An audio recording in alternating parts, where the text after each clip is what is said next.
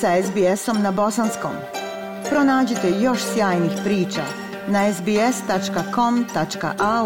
kosacrta bosnijan.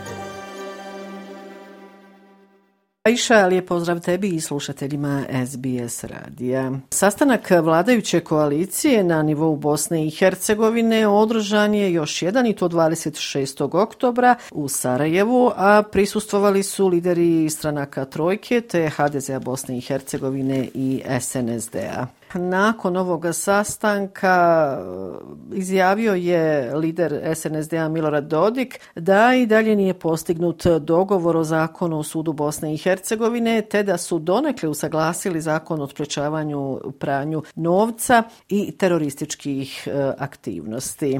Raspravljalo se i o sjedištu apelacionog odjela. Naime, jedni zagovaraju da to bude u Banjoj Luci, oni koji su iz SNSD-a, dok lideri trojke smatraju da treba biti na drugom mjestu u Republici Srpskoj poput istočnog Sarajeva. Rekoh, nakon ovog sastanka održana i preskonferencija. Tom prilikom obratili su se Milorad Dodik, lider SNSD-a i lider Naroda i pravde Elmedin Konaković. Milorad Dodik je naveo ni da ovaj sastanak u Sarajevu nije dao neki rezultat, te da su sada i dalje nego što su bili prije tri mjeseca. Medijima se, kako rekao, obratio i lider NIPA, Elmedin Konaković, koji je odmah na početku istakao da nikome ne, sme, ne smeta Banja Luka, već da to rješenje nije praktično ni pragmatično. U ostalom, evo, poslušajte Milorada Dodika i Elmedina Konakovića. S naše strane je bilo ranije prihvaćeno da varijanta u kojoj je saglasno dala čak i Evropska komisija, ostalo je problem sjedišta apelacijonog odeljenja. Danas smo čuli da bošnjačka strana nije ni za to apelacijono odeljenje, nego za neki oblik suda. To znači da se nismo dogovorili, a ključno pitanje je sjedište tog apelacijonog odeljenja. Mi smo smatrali da i smatramo da treba da bude u Banja Luci. Partneri iz federacije smatraju da to treba da bude u Republike Srpskoj, ali insistiraju da to bude na nekoj drugoj lokaciji u Republike Srpskoj. Mi mislimo da to nije praktično, nije pragmatično. Naravno da nema nikakve veze pitanje odnosa prema Banja Luci, ali ali je pitanje te praktičnosti, pragmatičnosti o tom sjedištu za nas vrlo važno i nismo danas pomijeli stavove po ovom pitanju. Delegacija Evropske unije u Bosni i Hercegovini, dakle u Sarajevu, 24. oktobra bila je domaćin sastanka predstavnicima Evropske unije, nadležnih vlasti Bosne i Hercegovine sa državnog nivoa, entiteta i distrikta Brčko. Ovaj sastanak je zapravo bio zbog prezentacije rezultata studije o izvodljivosti uvođenja broja za hitne slučajeve, a to je taj broj 112 i to na području cijele Bosne i Hercegovine. Ovom sastanku prisustvovali su šef delegacije Evropske unije u Bosni i Hercegovini, ambasador Johan Sattler, te e, državni ministri Edin Forto i Nenad Nešić, zatim premijeri Federacije Bosne i Hercegovine i Republike Srpske Nermin Nikšić i Radovan Višković, kao i gradonačelnik distrikta Brčko Zijad Nišić. A svi oni su istakli da je potrebno da Bosna i Hercegovina ubrza proces uvođenja broja 112 za hitne slučajeve, e, koji je inače uveden kao jedinstveni evropski broj za hitne pozive. Ovaj broj se koristi u svim članicama Evropske unije, kao i gotovo svim državama kandidatima za članstvo u Evropskoj uniji.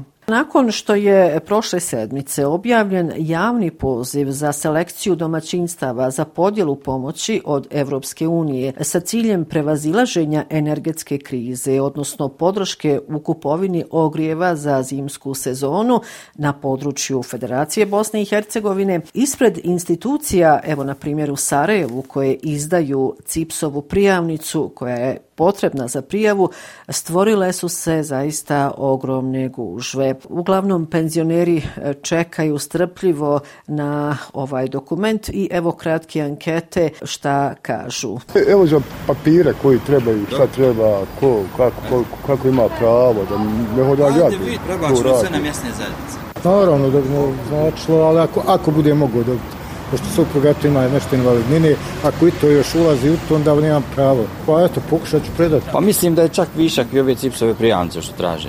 Ako je kućna lista... Samo su se stvorile gužbe. A iša osim e, CIPSove e, prijavnice potrebni su kućna lista, zatim dokaz o bankovnom računu te prijavni obrazac. Ovaj javni poziv otvoren je, kako već rekoh, na području cijele Federacije Bosne i Hercegovine do 10. novembra. Ranije je još saopćeno da svako domaćinstvo može dobiti maksimalno 600 konvertibilnih maraka pomoći. S obzirom da su se pojavile u javnosti brojne nedoumice, tim povodom federalni ministar rada i socijalne politike Adnan Delić 25. oktobra održao je pres konferenciju u Sarajevu. On je rekao da su općine u federaciju u proteklih nekoliko dana unijele blizu 5000 prijava domaćinstava, odnosno ukupno blizu 10.000 osoba za dodjelu pomoći Evropske unije.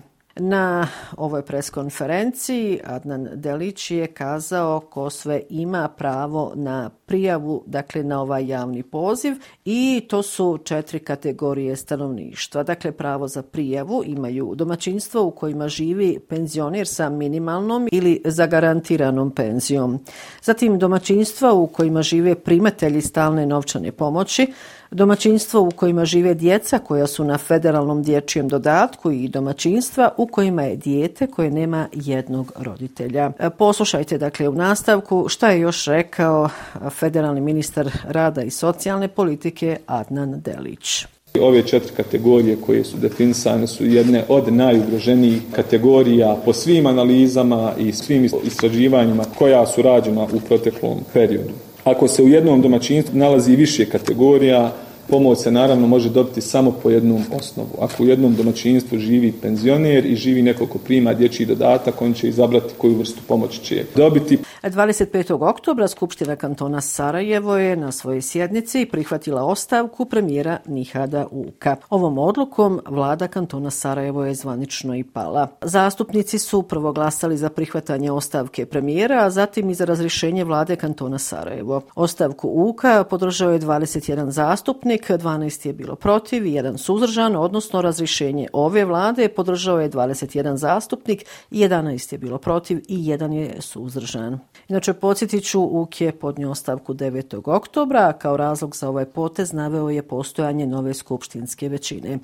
U narednom periodu očekujemo i novu vladu, ali ono što je sasvim izvjesno, o tome sam već ranije informisala, da u novoj vladi neće biti ministara iz e, stranke za Bosnu i Hercegovinu. E, Gradsko vijeće Sarajeva je 25. oktobra usvojilo deklaraciju o osudi nasilja protiv civila u pojasu Gaze i Izraela. Inače, tokom protekle sedmice, nakon Sarajeva i Bihaća, održani su i e, brojni mirni protesti protiv nasilja u Gazi. E, ovi protesti su održani u Tuzli, zatim Zenici, Mostaru i Stocu. I za kraj ovog javljanja Iša još dvije informacije. Centralna izborna komisija Bosne i Hercegovine objavila je zvanične rezultate izbora za načelnika u općini Stari grad Sarajevo, prema kojima je pobjedio SDP-ov kandidat Irfan Čengić. Prema ovim podacima, Irfan Čengić je dobio 63,29% glasova, a njegov protiv kandidat Dženad Selim Begović iz stranke demokratske akcije 71%.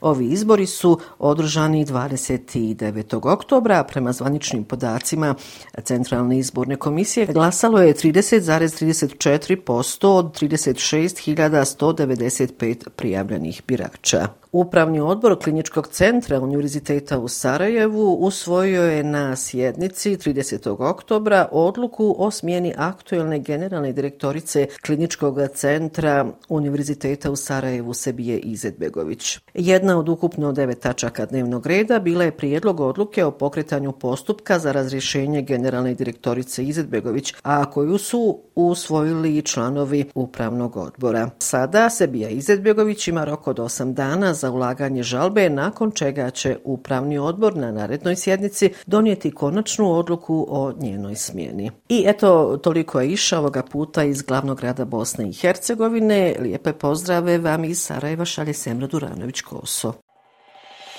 SBS na bosanskom.